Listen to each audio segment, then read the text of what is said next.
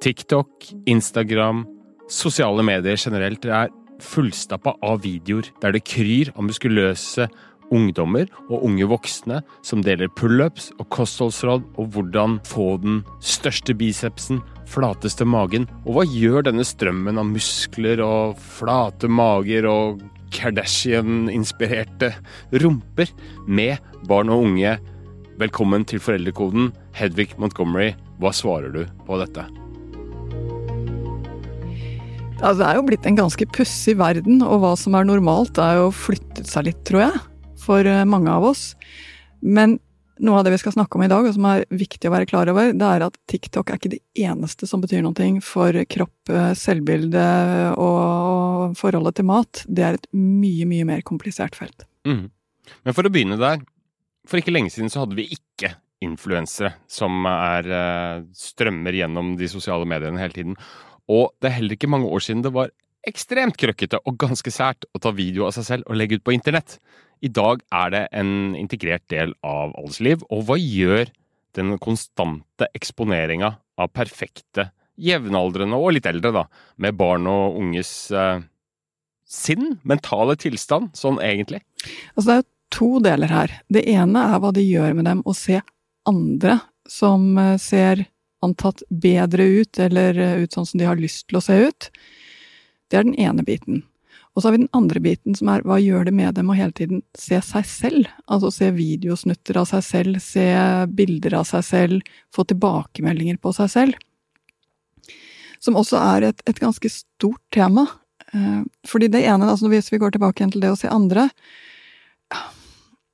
jeg tror det kommer så veldig an på. Etter hvert så skjønner de at det er ikke sånn verden ser ut. Det finnes all slags kropper, og genetikk betyr ganske mye. Og den motvekten som ligger i hvordan vi som familie er, eller vi er på skolen, eller hvordan vi faktisk ser ut, synker jo inn i de aller fleste etter hvert.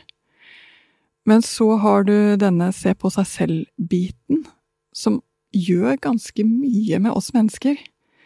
Eh, det er jo interessant å tenke på at dette ideen om et selvbilde oppsto sannsynligvis i det øyeblikket mennesket oppdaget speilet. Mm. Og du fikk denne 'hvem er jeg' sett utenfra-dimensjonen inn i hvordan vi snakker om oss selv. Det er jo så vidunderlig å fotografere de små barna som ikke har det der fotografsmilet ennå. Mm. Som bare har ansiktsuttrykk som flyter i takt med hvordan de føler og har det inni seg. Men er de blitt fotografert nok ganger og har sett det selv, selv som små, så får de en annen måte å smile på, en annen måte å stå på. Eh, og det, det, er klart at det gjør noen ting med rett og slett hvordan du oppfører deg. Mm. Så sier vi 'smil på ekte', smil på ekte. Ja, da blir det litt av 'smil på ekte. Ja, nettopp. Smil på ekte. Hva, hva er på ekte? Og det er jo det som nesten blir litt utydelig når du har sett deg selv for mye, og spesielt sett deg selv for mye med filter eller eh, med, med, de tingene som gjør at ekte virkelig begynner å viskes ut. Det blir på en måte på gøy og på ekte samtidig, og usant. Jeg ser jo av og til at ganske mange ungdommer som, som jeg snakker med, de bare unngår det. De legger ikke ut noen ting, de forholder seg ikke til det, de vil ikke være en del av det, og unngår det ganske aktivt. Og så har du en ganske stor gruppe, eh, og ja, det er sant at den eh, gruppen som, som, bruker dette mye, det har en overvekt av jenter. Det er ingen tvil om det. Som bruker det masse. Eh, det, er, det, handler, det går inn i leken deres, det går inn i hverdagen deres, det går inn i hvordan de snakker med hverandre, om hva de snakker med hverandre om. Og jeg tenker ofte når jeg er i skolegårder, så er det ganske lett å se hvem som tilhører hvilken gruppe. For de som tilhører, bruker mye Insta-gruppen, de står på en annen måte, de snakker på en annen måte. Du kan nesten se at de har det der blikket fra utsiden samtidig som de står der. Mm. Fake, liksom? Ja, på en måte kan du godt si at det blir litt uekte, for de er mer opptatt av hvordan ser det ut nå, enn hvordan er det å snakke med deg nå. Mm. Mm. Hvis man vet at uh, ens eget barn er uh, involvert i hva skal man si uh, stor påvirkning av influering, skal man gjøre noe da, eller skal de bare få leike seg litt, og så kan du tenke at dette her går over? Altså For de aller fleste så vil det gå over. Men jeg, det er én ting som var litt en aha-opplevelse for meg selv. Og det var når jeg skjønte forskjellen på det å være på scenen og bak scenen. Eh, for vi mennesker, vi har absolutt en påseende side. vi kler oss for at andre skal synes at vi er fine. Vi eh, gjør ting som vi har lyst til at andre skal se og gi oss tommelen opp for. Altså Sånn har det alltid vært. Vi har alltid hatt en, en frontstage-side. Som er den vi viser frem, den vi er stolte av, den vi snakker om når vi blir spurt. Og så har vi også alle sammen en backstage. Det der du gjør når ingen ser. Mm. Eh, det du absolutt ikke ville vise frem. Du vet det skapet hjemme som du mm, Åpner ikke det, eh, fordi det bare er allting trøkket inn i. Eller hva du tar på deg når du kommer hjem fra jobb og bare åh, øh, Nå må ingen ringe på døra. Uh, den der backstage-biten er faktisk veldig viktig psykologisk for oss mennesker, for der hviler vi, og der er vi bare. Det som er interessant, er at man skulle jo tro, for det var en sånn bølge, vis frem hvordan du er når ingen ser. Det interessante er at i det øyeblikk du har vist frem det skapet, eller vist frem den kosebuksa og hva du spiser for noe når, eh, når du ikke legger det ut, så er det ikke backstage altså, Da er det ikke noe et sted å hvile seg lenger, for da er det også blitt en del av det du viser frem. Det er også blitt en del av frontstage. Så vi mennesker, vi har en sceneside av oss selv, det vi viser frem. Det er helt ok. Men vi har også alle sammen noen ting som er virkelig backstage. Noen ting som er Dette er ikke noe å vise frem. Og det er viktig å ha den backstagen. Det skal vi ha. Mm. Og vi trenger det for å ha det bra med oss selv. Så hva du skal gjøre for noe hvis du har en uh, sønn eller datter som er mye, mye frontstage, det er gi rom for backstage. Mm. Ja, vet du hva, nå er det ingen som ser, bare slapp av. Ja, men det gjør ingenting, ingen får vite om det. Altså, og vis aktivt selv at hjemme hos dere så er det der vi er. Hva mener du da? Slafse rundt i kosebukse? Ja, vær så god. Vel, ja, ja. faktisk. Mm. Og også at det er noe godt i å ha det stedet å hvile. Og hvis da ungdommen kommer og sier kan jeg filme dette, så er det nei, nei. Dette er rett og slett, dette er bare for oss. Mm. Eh, da kan du til og med si det. Ja, så kan jeg si ja, men det er jo kult. Ja, men i det øyeblikk alle vet det, så er det ikke bare vårt lenger, og da er det ikke like kult. Altså, hjelp dem med å forstå dette her. Mm. Fordi da er det lettere å ta vare på den backstagen, som du trenger enda mer mm. når du er mye oppe på scenen.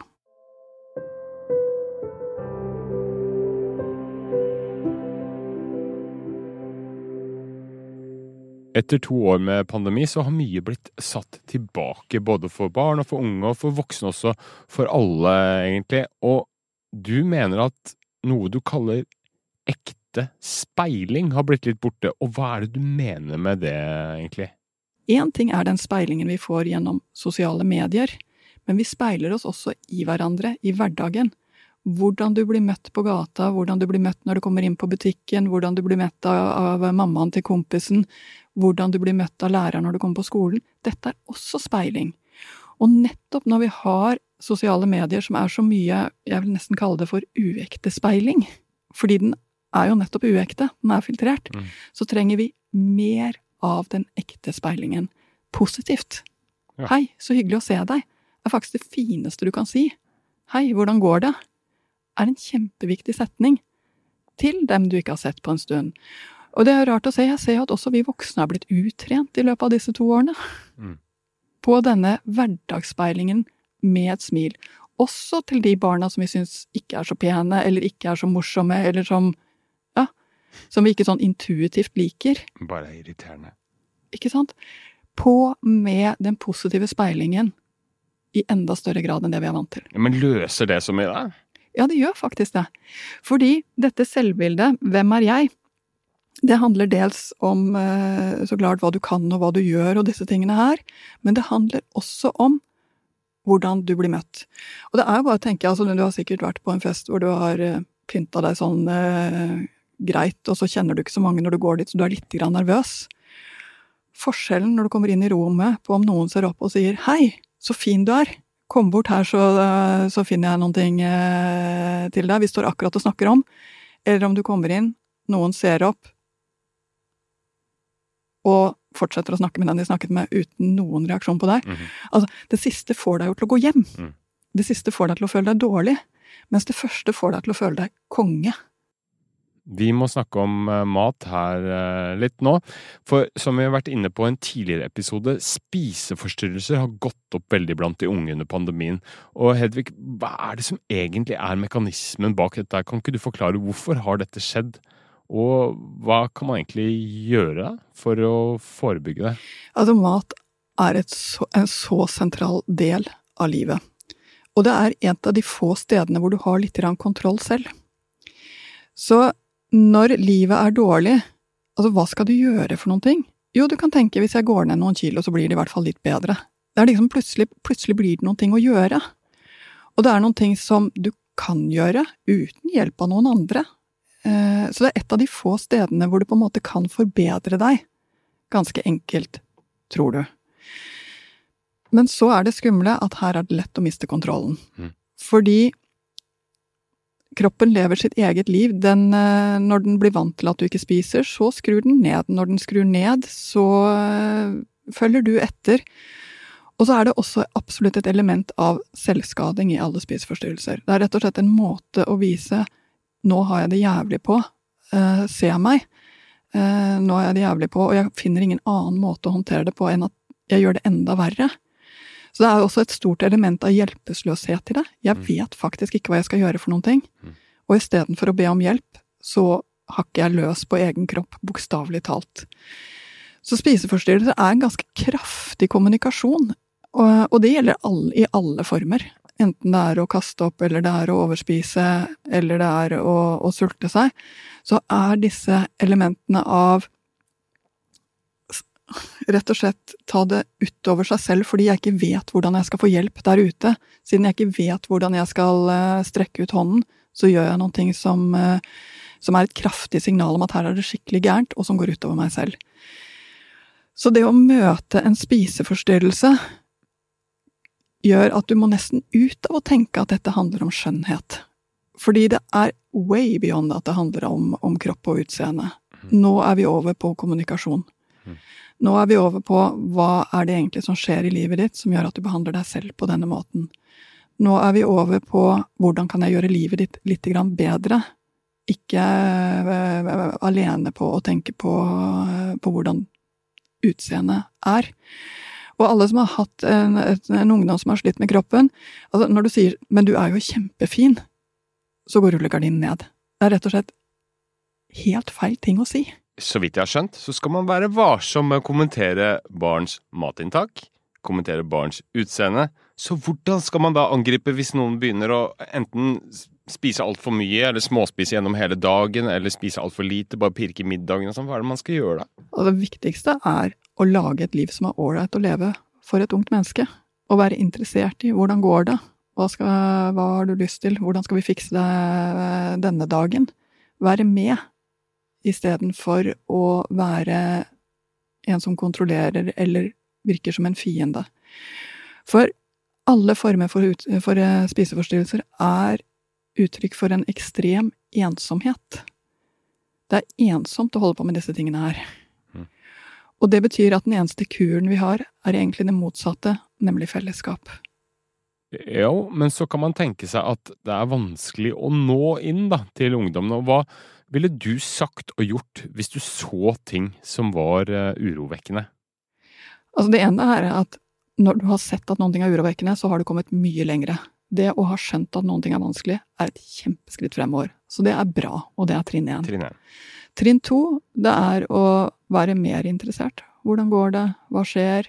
Når ungdommen kommer ut, istedenfor å si 'å, nå har du sittet altfor lenge, lenge der inne', si 'hei, hvordan går det', uh, har du lyst på en kopp te? Altså, si velkommen ut, istedenfor å dytte inn, og være veldig, veldig oppmerksom på at det er nettopp det du gjør, i alle anledninger, som du har muligheten til å trekke til deg, istedenfor å skyve bort. Og det tredje er, her hadde jeg ganske fort snakket med helsesykepleier på skolen, eller eh, læreren som også ser eh, barnet ditt, gjerne begge to.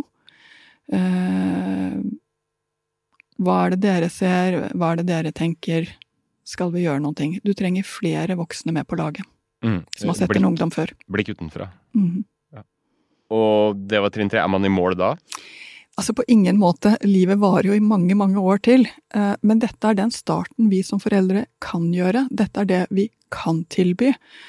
Og så er det klart, noen kommer til å få nok hjelp av dette. Eh, noen kommer til å, å komme seg fort tilbake igjen til, eh, til noen ting som er ålreit. Noen Det gjelder nok de fleste.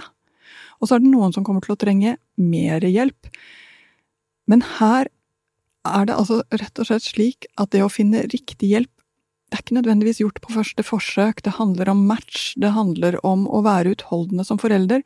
Så jeg tror nesten at hva så det, her er et viktig spørsmål, forbered deg på at det kan ta tid, og at du selv må leve et sånt noenlunde liv også, sånn at du har krefter til å hjelpe ungdommen din i de årene som kommer. Fordi det, ja, det kan godt være at dere kommer til å få et behandlingsløp på BUP, eller at dere kommer til å trenge jevnlig oppfølging av fastlegen, og da trengs det at du orker å være med, orker å interessere deg, orker å finne en annen behandling hvis den første dere prøvde, ikke fungerte. Så ja, du har kommet til et startpunkt og det du virkelig kan gjøre selv som forelder, og så må du flyte.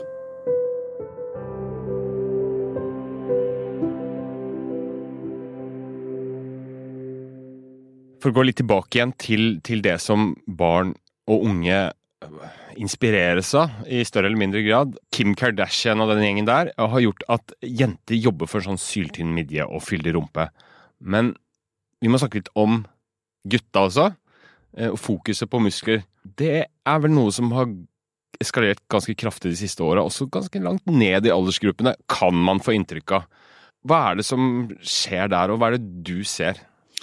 Altså, de aller fleste gutter eh, langt opp er ganske ignorante på egen kropp. Ja. Og så på et eller annet tidspunkt så skjer det noe. Mm. På et eller annet tidspunkt så skrus interessen på for å se bra ut. Og for de aller fleste så handler jo det mer om at de strekker litt på seg og tar på seg litt finere klær og faktisk tar på seg klær ikke rett fra gulvet, men, men sjekker skapet, fører til mye mer klesvask. Eh, så for de aller fleste er vi her. Men så er det noen som havner på treningskjøret. Og treningskjøret, det, da mener jeg ikke vanlig fotball eller vanlig løping eller sånne ting, men mm. dette her med å virkelig være utrolig opptatt av den ekstremkroppen.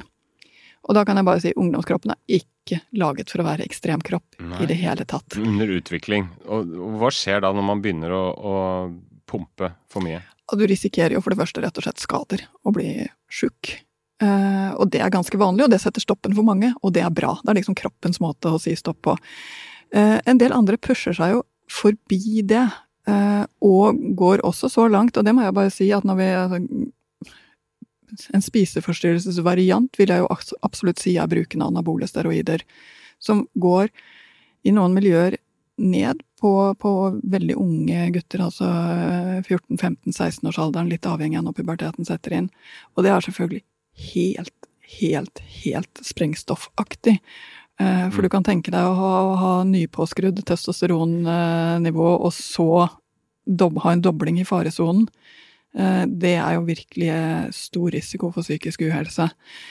Jeg skulle jo ønske at alle de som eh, var i, i, disse miljøene, som driver med det, skjønte hvor ekstremt farlig det er å utsette Det er farlig for, for unge voksne også, men det er enda farligere for tenåringer. Og det andre er at det, det er bare en risiko som, som foreldre må vite om.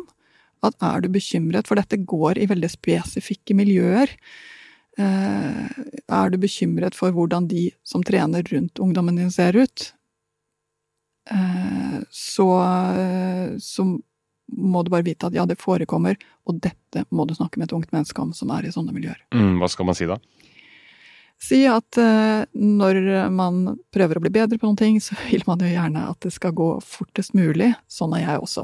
Det er for øvrig ikke sant, men jeg kan godt si det i en sånn situasjon. Mm. Uh, og da kjennes det ut som at hvis noen kommer og sier ta denne pillen, så blir det plutselig mye bedre, eller ta denne sprøyta, så blir det plutselig mye bedre. Det virker jo som en god idé, men vet du hva? Det er det faktisk ikke. For på sikt er det det som ødelegger, ikke som bygger opp. Så du får raske resultater ved å jukse, det er bare at du får resultater som lager et dårlig liv. Altså, jeg hadde vært så direkte som dette, uh, og jeg hadde også vist en ganske stor forståelse for at fy fader, det er klart det er fristende.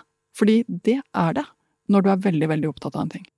Men en ting er boling, en annen ting er bare rett og slett det man kanskje kan kalle overdrevet uh, oppheng i uh, egne muskler, eget speilbilde. Uh, altså, Hvordan skal man snakke med dem om det? Det aller meste av dette går over. Heldigvis. Okay. Så treffer de en kjæreste, og så Til slutt så ser de ut som de fleste andre unge menn. Det, det ordner seg. Men jeg hadde tenkt at det du kan gjøre som forelder, er nettopp å lage litt balanse i livet. Lage stunder hvor det går an å slappe av, lage stunder hvor vi koser oss sammen, le sammen. Eh, bare vise frem et liv som er godt, og som ikke bare handler om, om akkurat dette. Eh, og i perioder så, så, er det tynt, tynt, tynt, denne kontakten med en som er veldig, veldig opphengt i noe. De som blir veldig opphengt i noe, har også en personlighet som lett ofte blir liksom veldig målretta på én ting av gangen. Mm. Eh, det er lov å og, sånn, og det mest sannsynlige igjen er at Og så blir det noe annet om en stund. Um, jeg tror kanskje at det å irritere seg mindre og kose, og prøve liksom å lage de stundene som er litt ålreite sammen med ungdommen, er den beste motgiften vi har. Ja, å skape et godt hjem og sånn er jo vel og bra, men eh, gutta vil jo kanskje heller være sammen med gjengen enn å sitte sammen med kjernefamilien, liksom. Det er jo et visst press der, eller en fellesskapsgreie, uh, det der å dra på trening og, og, og pumpe sammen.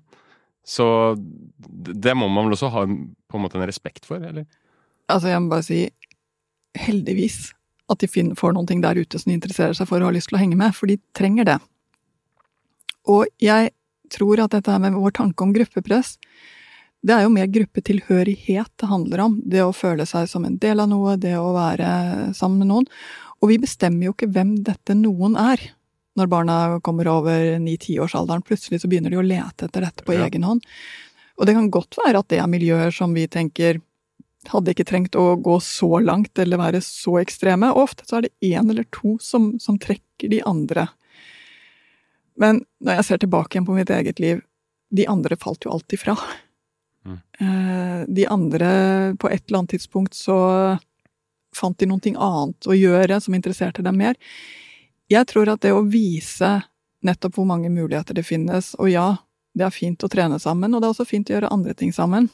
Eh, det å ikke gå mot dem på at akkurat nå er dette en fin ting å gjøre, men å åpne bare muligheten for, og etter hvert kanskje det er andre ting dere har lyst til å gjøre sammen. Mm. Det er ikke så veldig mye mer vi kan gjøre enn å være der og også nettopp vise frem denne og det finnes også kanskje dere kommer til å gjøre andre ting etter hvert. Bare du har åpnet muligheten, så viser det seg at sannsynligheten er større for at det faktisk skjer. Vi foreldre lever jo heller ikke i noe vakuum. Blir også påvirket av sosiale medier og influensere og, og funkygine her og der.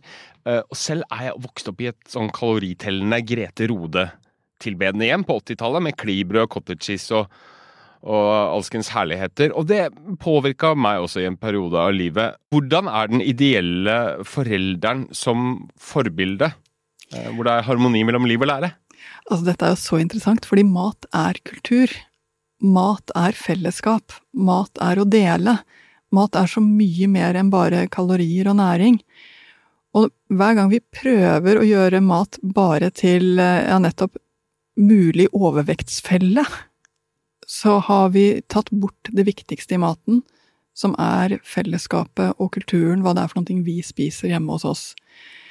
Det er ganske fascinerende. Jeg snakket nettopp med en nydelig mamma eh, som eh, er tyrkisk, og hun sa at hun hadde så problemer med dette med, med matbokssituasjonen eh, med skolen, fordi i hennes kultur så er det å sitte med mat og ikke dele, det er så uhøflig at det går rett og slett ikke an. Hvis du har noen ting som de andre har lyst på, så må du gi det bort. Det er liksom det det er å være et godt menneske. Og så kommer man inn i en kultur hvor det er det motsatte. Du skal sitte her med din matboks og absolutt ikke dele. Det skar i henne. Og jeg må virkelig si at jeg skjønner henne. Fordi av og til så tenker jeg at vi har fått noe sånn matkultur gone wrong i Norge hvor vi legger vekten på at du skal spise sunt, istedenfor å legge vekten på vi skal spise sammen. Jeg tror det siste betyr mye, mye mer for hvordan vi fordøyer, hvordan vi har det med mat når vi stopper å spise, enn det vi helt forstår. Fordi barn trenger å lære seg å kjenne etter. Er jeg sulten nå, eller er jeg mett? Er magen full, eller trenger jeg mer? Og dette er egentlig en litt langsom prosess. Når mat blir en sånn 'nå må vi forte oss', 'nå er det akkurat dette du skal spise', så lærer vi oss ikke å kjenne etter, lærer oss ikke å ta den der feedbacken fra kroppen, og vi lærer oss heller ikke denne sosiale delingen som mat også er. Eh, vise frem situasjonen som mat også er. Så hvordan en familie skal være, vet du hva? Gjør mat til noen ting som dere har fordi det er hyggelig, fordi det er godt, og fordi vi trenger det. Gjør det noen ting som ikke er et stresselement på at allting skal være perfekt og riktig i antall kalorier, og i, i at alle skal være superfornøyde. Noen liker dette, og noen liker ikke den maten vi har i dag. Men vet du hva? Det var en fin stund allikevel. Jo mer vi klarer å vise frem maten som noe mer enn mat, jo bedre tror jeg barna har det med maten sin etterpå. Bør foreldre aldri gå på diett når det er barn i huset? Jeg er jo så fristet til å si foreldre bør aldri gå på diett når det er barn i huset. Eh, og så vet jeg at hver gang jeg sier noe absolutt, så vil det alltid finnes et unntak et eller annet sted der ute, fordi det er en eller annen helsemessig grunn til eller et eller annet. Men er det en eller annen sånn super grunn til det, så må den sies høyt. Eh, og så må det være grunnen. Ikke en eller annen sånn fordi det er så viktig å spise sunt, uh, altomfattende ting, som er vanskelig for barn å skjønne hva er for noe. Men er det det at, vet du hva, nå har legen sagt at jeg må gå ned i vekt, for hvis ikke så får jeg en sykdom som gjør livet mye, mye kjipere, så da gjør jeg det. Og dette er måten jeg gjør det på. Så da må du klare å sette så tydelig ramme rundt det. Men ofte så vil man jo bare ned en kilo eller to, da. Ja, og vet du hva? Det bør du klare uten at det er noe som uh, invaderer familielivet.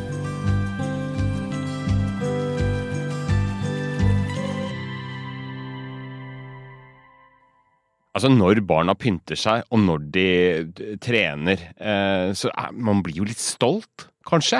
Men mamma som skrev til oss, var litt opptatt av nettopp dette. En lytter. Eh, denne bekreftelses- og tilbakemeldingskulturen og, og, og kanskje overdreven pyntefiksering, da. Hun skrev at dette kan jo bli en sirkel som er vanskelig å bryte, fordi de hele tiden får så mange tilbakemeldinger på at de, de er fine og pene. Bør foreldre da unngå å nøre opp under dette her? Altså, ikke si at barna er pene. Ikke si at de ser bra ut. Jeg tror for det første at det ikke er så veldig interessant å si så pen du er. Det er ikke noe nyttig informasjon fra en forelder til et barn. Eh, men når du ser at barnet føler seg fin Jeg pleier å jukse. Jeg pleier å si når eh, et barn har pyntet seg og kommer inn og føler seg fin, så jeg åh, føler du deg fin, eller? Pynta deg? Og så nikker barnet, så sier jeg enig, kjempefin. Jeg rett og slett sjekker først ut om det er der de er i sin egen opplevelse, og hvis de er det, så bare nikker jeg med det. Og så snakker vi om noe annet. Ehm, jeg legger aldri en vurdering, prøver å unngå å legge min egen vurdering på det, altså av typen 'nå var du veldig fin, syns jeg'. Ehm, og spesielt, må jeg også si, det er kanskje pussig, men når barn ikke føler seg fine, så er det i hvert fall viktig å ikke si 'men jeg syns du er fin' fordi det lager bare knus inni dem. Snakk om noe annet, smil til noe annet, finn noe annet å, å være begeistret over. For det handler litt om altså Vi vil jo, vi er jo så himla stolte av barna våre, vet du. Så vi har mm. lyst til å dele begeistringen, vi har lyst til å dele den. Eh, og når barna liker å trene ah, Bra at du har funnet noe du virkelig liker å gjøre, heller enn bra at du trener, for da holder du deg sunn. Mm. Vær heller ute etter dette som, som, viser at barnet trives med seg selv, og du ser det, og det, det er du glad for å se, heller enn å igjen legge denne inn i for da slipper du å bli tjukk som voksen-diskusjon. Eh, og så tror jeg også det er veldig, veldig viktig å vite at i perioder vokser, altså kroppen vokser så rart for barn og ungdom. Så i perioder så samler de på seg, og spesielt noen kroppstyper, det er så individuelt, noen legger mye lettere på seg enn andre, andre er fliser uansett hva de gjør for noen ting. De sammenligner seg mye med hverandre, og da må vi også vite at ja, men den familien er en sånn familie, de ser sånn ut alle sammen, de har genene på sin side, vi må gjøre noe annet. Ja, sånn så pappa også ut, han var på den alderen, så strakk han seg. Mm gi dem litt håp om at denne perioden hvor de faktisk kan føle seg ganske dårlig med seg selv, den går over hvis vi lever sånn noenlunde ålreit sammen, trives sånn noenlunde med oss selv og hverandre. Takk for de ordene, Hedvig Montgomery. Og jeg tenker det at uh, i dag så skal alle sammen gå rundt og føle seg litt fine. Neste uke er vi tilbake med en ny episode. Den handler om prestasjonsangst og hvordan man kan dempe denne angsten for alt mulig. Allerede nå finner du denne og flere nye episoder tilgjengelig i Podme eller via Aftenpostens app.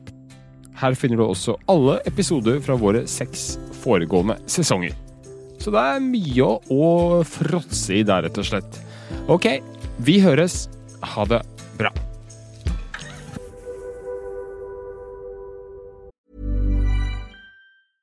A new year is full of surprises, but one thing is always predictable postage costs go up. Stamps.com gives you crazy discounts of up to 89% off USPS and UPS services. So when postage goes up, your business will barely notice the change. Stamps.com is like your own personal post office, wherever you are. You can even take care of orders on the go with the mobile app. No lines, no traffic, no waiting. Schedule package pickups, automatically find the cheapest and fastest shipping options, and seamlessly connect with every major marketplace and shopping cart. There's even a supply store where you can stock up on mailing supplies, labels, even printers. Stamps.com has been indispensable for over 1 million businesses just like yours. All you need is a computer or phone and printer. Take a chunk out of your mailing and shipping costs this year with Stamps.com. Sign up with promo code PROGRAM for a special offer that includes a four week trial, plus free postage and a free digital scale. No long term commitments or contracts. That's Stamps.com code PROGRAM.